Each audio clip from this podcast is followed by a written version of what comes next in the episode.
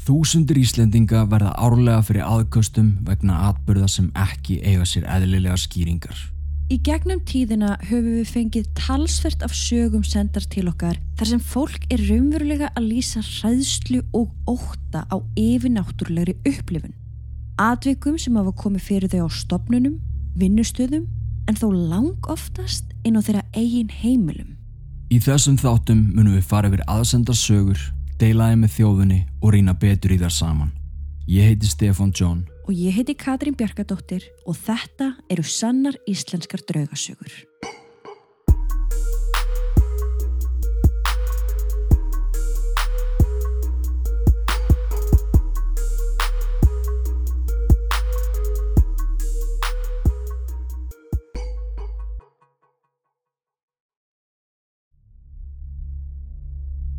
Áður en við byrjum er rétt að taka fram að sögurnar sem teknir eru fyrir í þessum þáttum eru ekki í neittni ákveðinni tímaröð sem þeir eru sendar okkur, heldur af handahófi. Eftirfarandi sögur eru sannar og koma frá fólki úr öllum stjættum þjóðfélagsins. Allt eru þetta mismunandi einstaklingar á mismunandi aldri. En allt þetta fólk á það sameigilegt að hafa lendi einhverju yfirnáttúrulegu og það hér á Íslandi.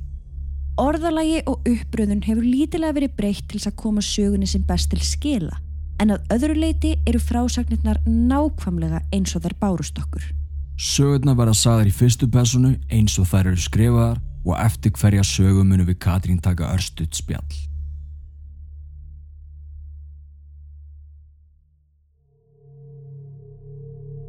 Saga 1. Speillin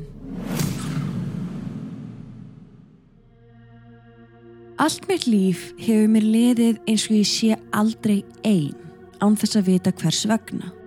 Stundum vakna ég um miðjanótt og sé hluti sem eru ekki úr þessum heimi, eins og gerðist þessa tilteknu nótt. Ég man ekki hvað ég var gömul en ég var á aldrinum 11 til 14 ára. Ég deildi Svefnherbergi með systur minni á þessum tíma en ég hef alltaf deilt herbergi með sískinu mínum sem hefur alltaf verið mikill léttir því þá hef ég einhvern til þess að fara til þegar þetta gerist. Ég man ekki af hvaða ástæðu það var nema hvað að það var speil. Held ég bara venjulegur speil sem var færður á veggin fyrir framann svefnherbergishörðina mína fyrir utan herbergið. Þar snýri speilin að söfnherbyggjishörðinni sem var alltaf opinn á næturnar því kötturum minn svaf í herbergin okkar. Fyrstu nóttina sem speilin var þarna vaknaði ég með undarlega tilfinningu. Ég gati ekki útskýrt af hverju og gat heldur ekki farið aftur að sofa. Ég var bara barn og kannski held ég að þetta var í kvíði út af skólanum eða eitthvað í þá áttina. En þegar ég sast upp í rúminu og horfi í kringum mig með þessa undarlegu tilfinningu en þá rosalega sterka, þá snýri ég höfðinu í átt að opnu dýrónum og að vegnum sem þar var. Það var dimmt en þegar að augun mín horfið í speilin sá ég þessa grænu fígúru reyfast í speklinum. Ég var agdofa og frosinn þar sem ég satt. Ég man enn hvernig þau reyfðu sig eins og þau væri að dansa. Fígururnar sáu mig ekki og virtust ekki heldur vita hvað var að gerast. Þær voru ekki með mannlega lögun. Þær voru brenglaðar og með undarlegt útlitt og græn á litin. Þannig líflega græna lit sem færðist og snýrist eins og þær gerðu í dansinum. Hrollurinn rann niður hrykkin á mér þegar ég horfi í speilin af hreinum óta. Andadrátturinn var tekinn af mér og ég var svo hrætt að ég fór að rúmi sýstur minnar og hristana. Hún var um það byrð þremur árum yngre en ég og líkaði ekki við að vera vakin um meðja nótt. Ég sagði henni frá grænu fíkurunum í speklinum sem ég sá enn þegar ég horfi á þær. Þreytt leit hún í speilin og hristi síðan höfuðið og fór aftur að sofa. Ég var svo hrætt að ég gat ekki farið að rúminu mínu svo ég fór upp í rúmið hennar og hjælt þjættum líkam hennar alla nóttina. Ég svaf ekki vel þessa nótt út af hræðslu. Þetta gerðist á hverju einustu nóttu sem speilin var þarna þánga til að maður tekin og aldrei sá ég hann aftur eftir þetta. Á daginn kannadi ég hvort að það hefði verið eitthvað á ganginum, ljós eða endurskinn sem hefði getað valdið þessu, en það var ekkert. En í dag veit ég ekki hvað þetta var sem gerðist þarna en mögulega sá ég eitthvað sem ég var ekki ætlað að sjá. Takk fyrir sögnaðina, hún er virkilega áhugaverð. Ég veit ekki hvort þú veitir það, en speiklar eru oft taldir vera ingangur úr og í andaheimin. Margir speiklar eru taldir vera byllandi reymdir, sumur þeirra taldir vera portal og síðan eru eldri hugmyndir sem segja að sál fólks geti fest inn í speiklum. Þannig að speiklar hafa mikla þýðingu þegar það kemur að paranormal hlutum og því alls ekkert óalgengt að fólk sjá eitthvað í þeim sem það ætti undir venjulegum kringustæðum ekki að sjá. Það fyrsta sem mér dætt í hug þegar þú fóst að lýsa fíkurunum og græna litnum og ég tók það inn í myndina að þú varst barn þá dætt mér í hug einmitt að þetta væri einhvers konar endurskinn að mögulega væru biljós að skína á speilin og að þú hafið í kjölfarið séð fyrðulegar verur og þennan græna lit. En þú segist sjálf hafa hugsað það sama greinlega og þú fóst og aðtugaðir hvort að það væri möguleiki og þú gast samvisku samlega strikað yfir þá hugmynd. Bara að það hafi ekki verið möguleiki með að við hvar speilin var staðsettur og annað. Þannig að líklegast varstu um þetta að sjá eitthvað sem þú áttir ekki að sjá. Mögulega einhverja verur sem eru ekki úr okkar heimi og kannski hafa þær aldrei verið. Liturinn græn líka táknar orku sem þessar verur eru líklegast búnar til úr. Akkurat. Þú segir að þér hafa aldrei fundist þú hafa verið einn allt þitt líf. Er ekki bara möguleiki á að þú sést næm eða jáfnvel skegn mögulega að sjá eitthvað sem ekki aðrir sjá? Ég veit ekki hvort þú sést búin að segja mörgum þessu sögu en ef það læti þér líði eitthvað betur þá trúum við þér 100%. Enda eins og við sögðum þá er alls ekkit óalgengt að fólk sjáu alls konar hluti í speiklum sem eru svo þýðingamiklir í paranormal heiminu. Akkurat. Og ég vil nota tækifærið og minna fólk á að það bóðar yfirleitt ekkit gott að hafa speikla á móti hörðum. Nei. Takk kjallaði fyrir sögnaðina, hún var virkilega áhugaverð.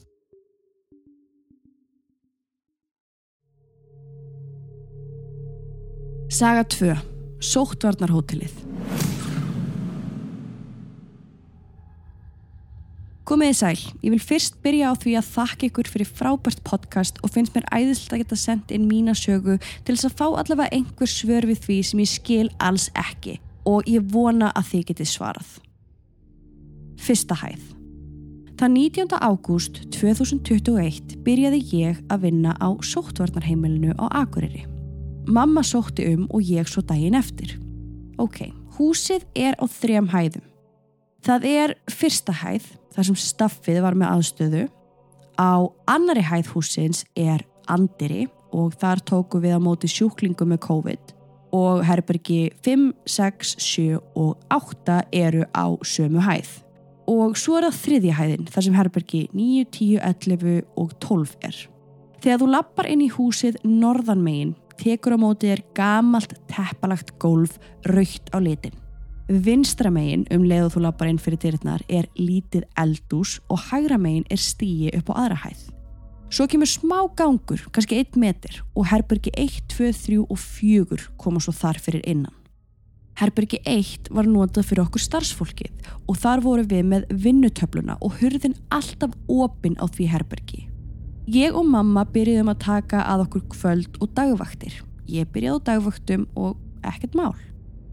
Þegar þú situr í sófanum inn í herbergi 1 þar sem við vorum oftast, sér þau beint fram á gang og oft þegar ég satt í sófanum í tölfunni að sinna því sem þurft að gera, sá ég skugga skjótast fram hjá ganginum og heyrði einhver hljóð sem ég held að væru í ískapnum en kom svo að því að þau voru ekki að koma úr ískapnum heldur frá annari hæð.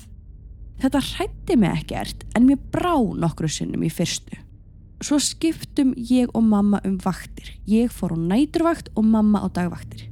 Ég á svo erfitt með það að sofa á öðrum stöðum en heima hjá mér þar sem ég finnst ég alltaf örugust þar. Þannig ég gata ekkert sofið fyrstu nóttina mína þarna. Mér fannst eins og einhver væri að horfa á mig og sama hvað ég sneri og veldi mér þá gati ég ekki sopnað. Ég reyndi og reyndi en ekkert gekk þannig ég dró bara sængina upp fyrir haus og var í símanum alla nóttina. Svo kannski tveimur vikum eftir að ég byrjaði kom starfsmæður þrjú að vinna hjá okkur og mánuð eftir það þó kemur starfsmæður fjögur. Alltaf þegar morgunvaktin tekur við af næturvakt var spurt hvernig svafstu? Svari var alltaf frekar illa. Ég átti erfitt með að sopna eða ég svaf ekki neitt. Svo spurði ég starfsmann fjögur hvort að hann væri að lenda í einhverju þarna að því að ég held að ég væri bara að verða eitthvað byluð. En þá svarar hann já, um daginn þegar ég satt í tölfunni í herbergi 1 þá fór ég fram í eldús og fekk mér að drekka. Kom síðan aftur en þá var hurðinn á herberginu lokuð og það var ekki ég sem lokaði henni. Hurðarnar á þessu hóteli eru eldvarðar og þú þart alveg smá afl til þess að loka þeim þannig að ef þú ætlar að loka hurðinni þá þurftur alveg að lokina með því að draga hann á eftir þér.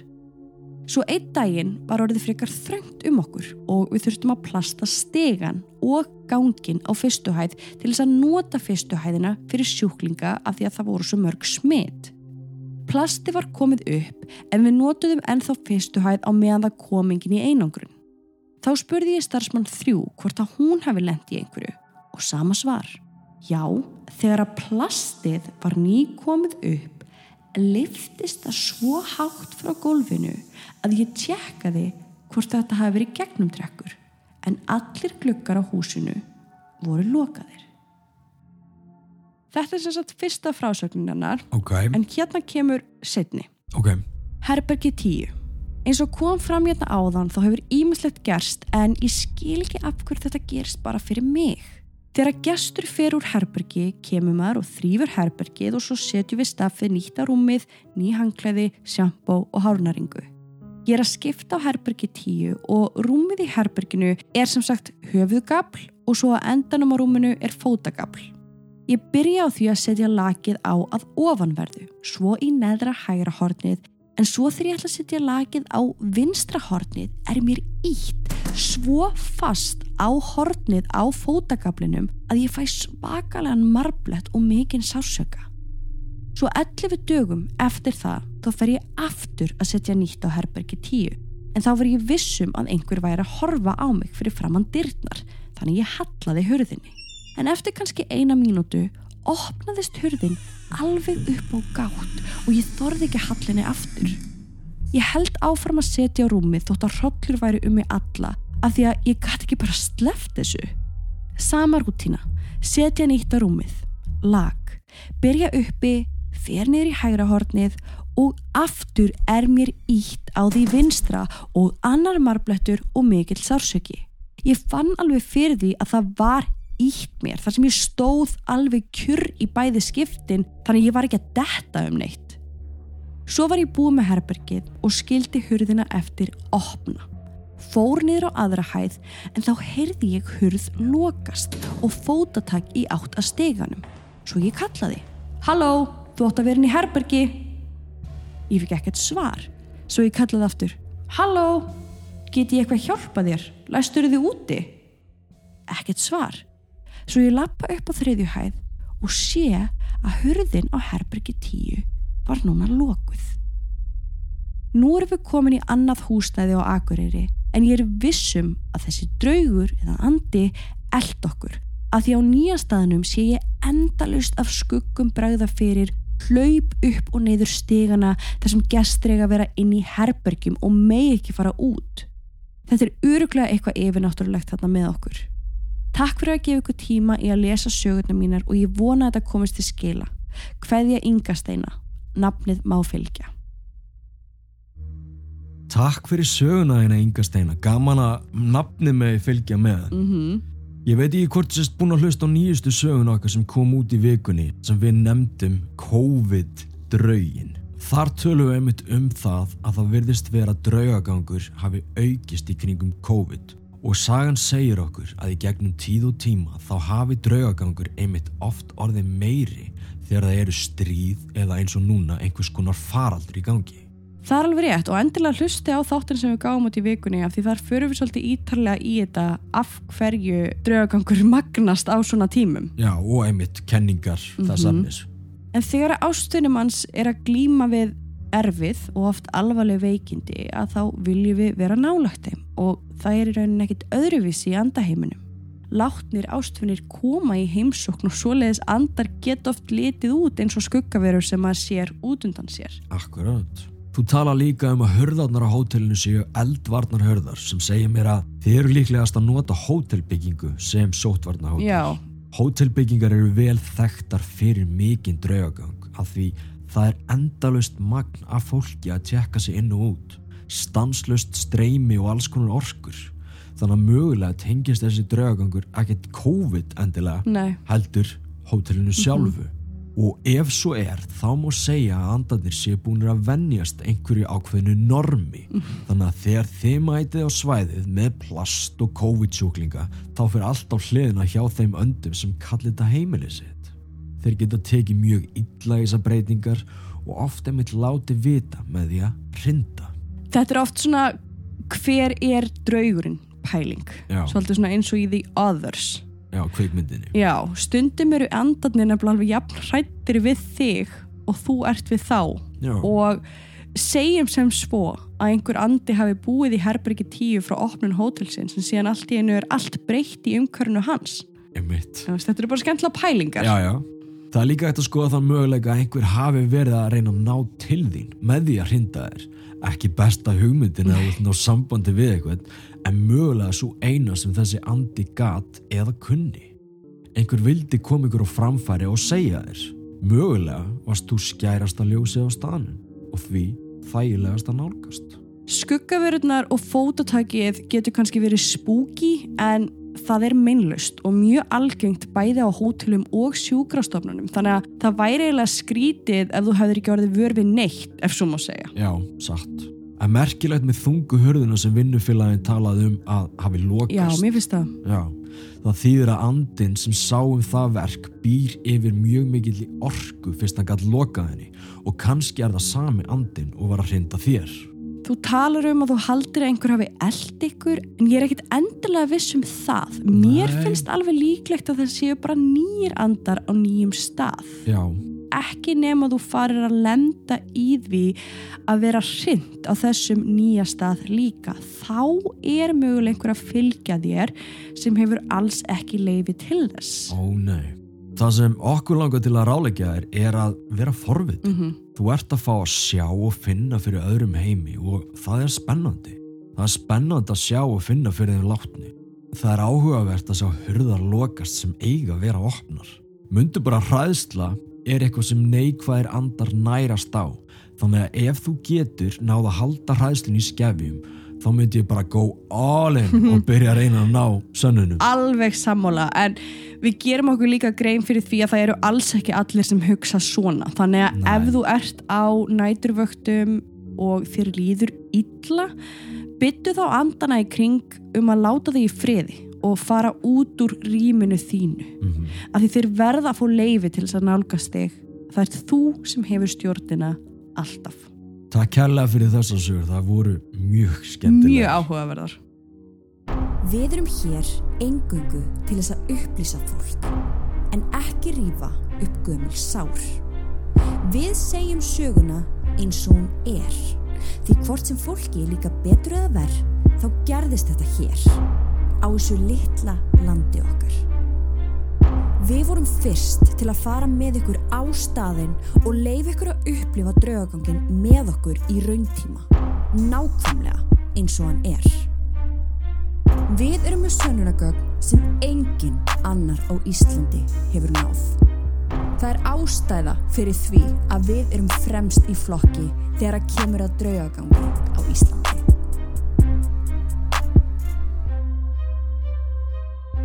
Skoðuðu áskriftarleiðirnar inn á patreon.com skástrygg draugasögur.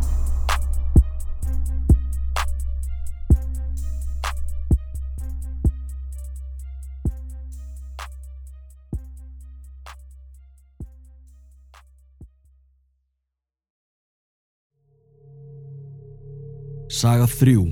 Tógarinn Hæ elskunnar, mér lókar að segja ykkur sögu. Þegar ég var strákur var pappi minn sjómaður á tógar út á landi. Tógarinn var mjög gamal og hafði farið víða.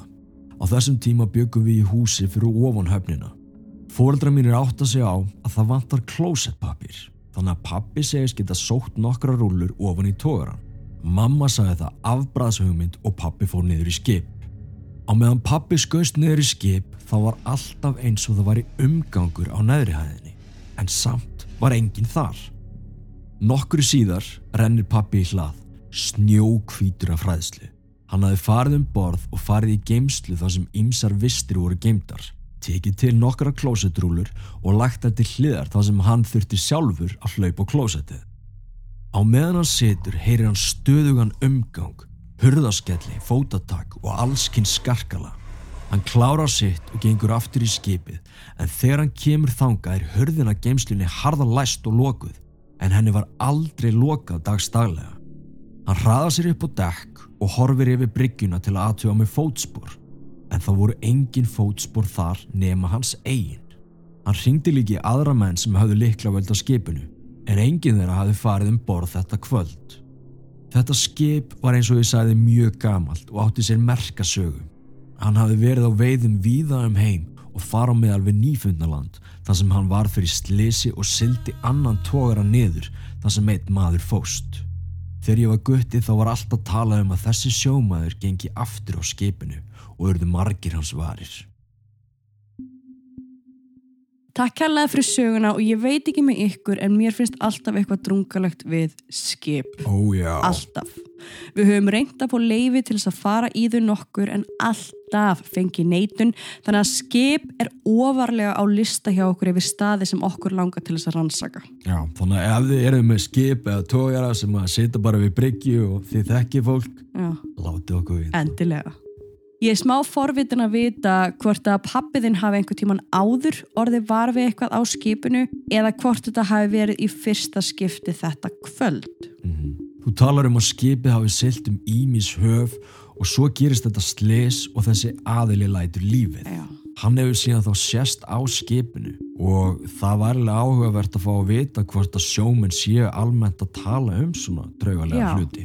Hvort þetta sé eitthvað sem þeir almennt trúa eða hvort þetta sé eitthvað sem þeir svolítið bara hrista af sér. Já, ég var alltaf mikið til að rannsaka þetta skip ef það væri einhver tíman hægt. Já.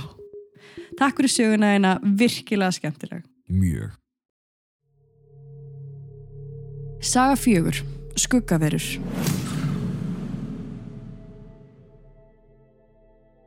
Hæ hæ, ég hef verið að hlusta á sögurnar ykkar í frekar langan tíma núna og elska þær.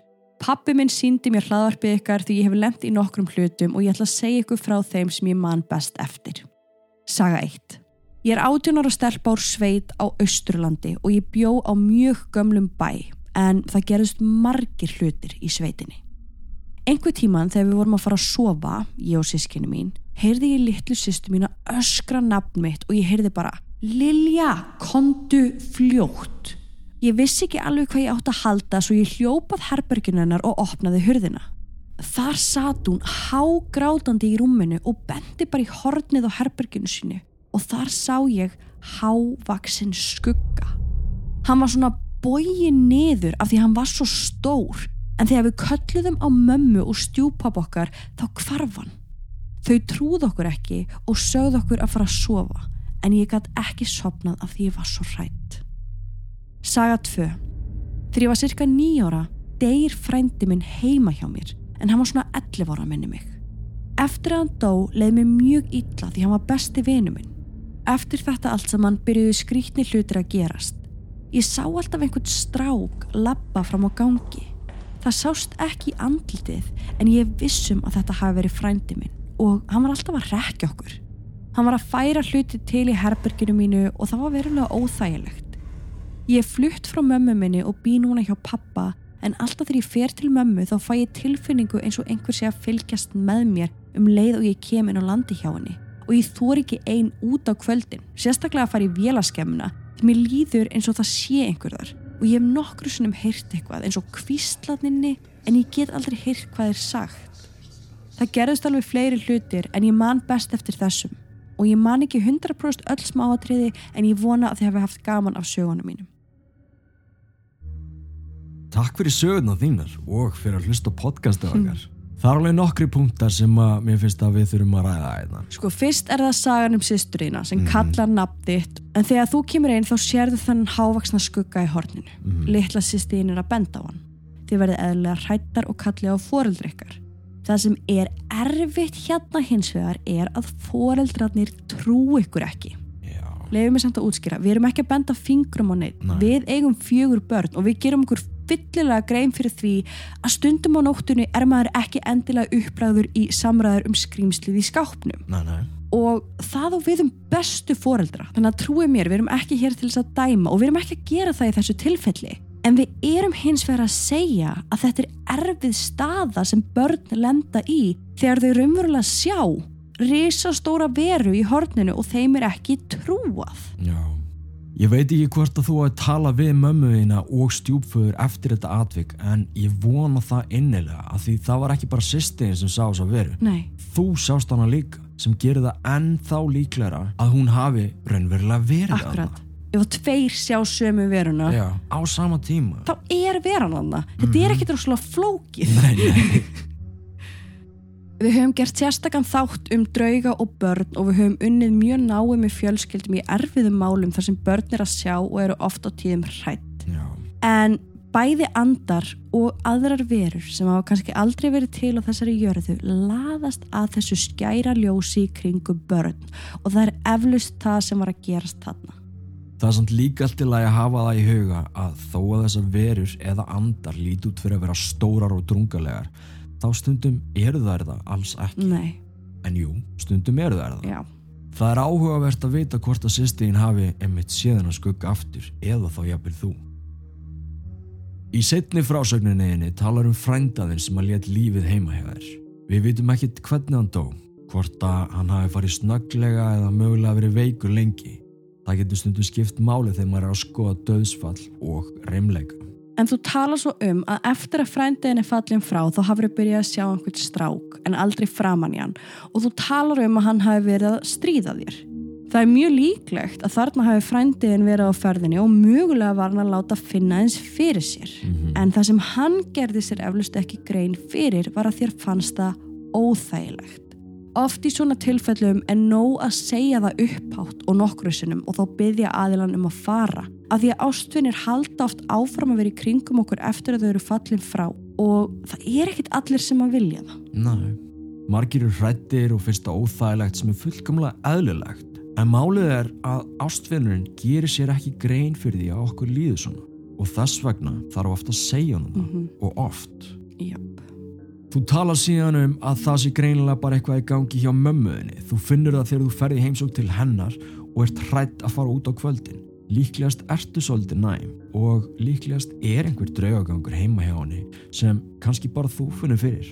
En það er ómögulegt að segja hvað það er sem er aðna án þess að rannsaka það. Já, En eins og við segjum svo oft, draugar eru allstaðar. Við bara sjáum þá ekki alltaf. takk fyrir söguna þína. Við viljum þakka öllum höfundum fyrir sögur vikunar og ykkur hinum kærlega fyrir að hlusta. Ef þú vissir það ekki nú þegar þá erum við með annað podcast sem heitir Draugasögur. Þú finnur það á öllum hlaðarpsveitum og ef þú hefur áhuga á enn fleiri draugasögum og vilt styrkja podcastu okkar um leið þá skaltu endilega skoða áskriftarleðinar sem við bjóðum upp á inn á patreon.com skástrygg draugasögur. Þar inni eru 250 pluss sögur, myndefni, sannanir, viðtölu við frægustu paranormala rannsakendur í heimi og margt fleira skemmtilegt. Engin binding og þú getur byrjað að bingja núna. Svo næstu dögum munum við deila með ykkur stórum og skemmtilegum fréttum. Svo til þess að missa ekki af neinu skalti endilega fylgja okkur á Facebook og Instagram undir Draugasögur podcast. Sannar íslenskar draugasögur er vikulegt hlaðvarp sem kemur venjulega út á föstu dögum klukkan 12 á hádegi. Svo lengi sem okkur halda áfram að berast sögur frá ykkur í gegnum draugasögur at draugasögur.com mert aðsendar sögur. Takk fyrir að hlusta og þanga til næst.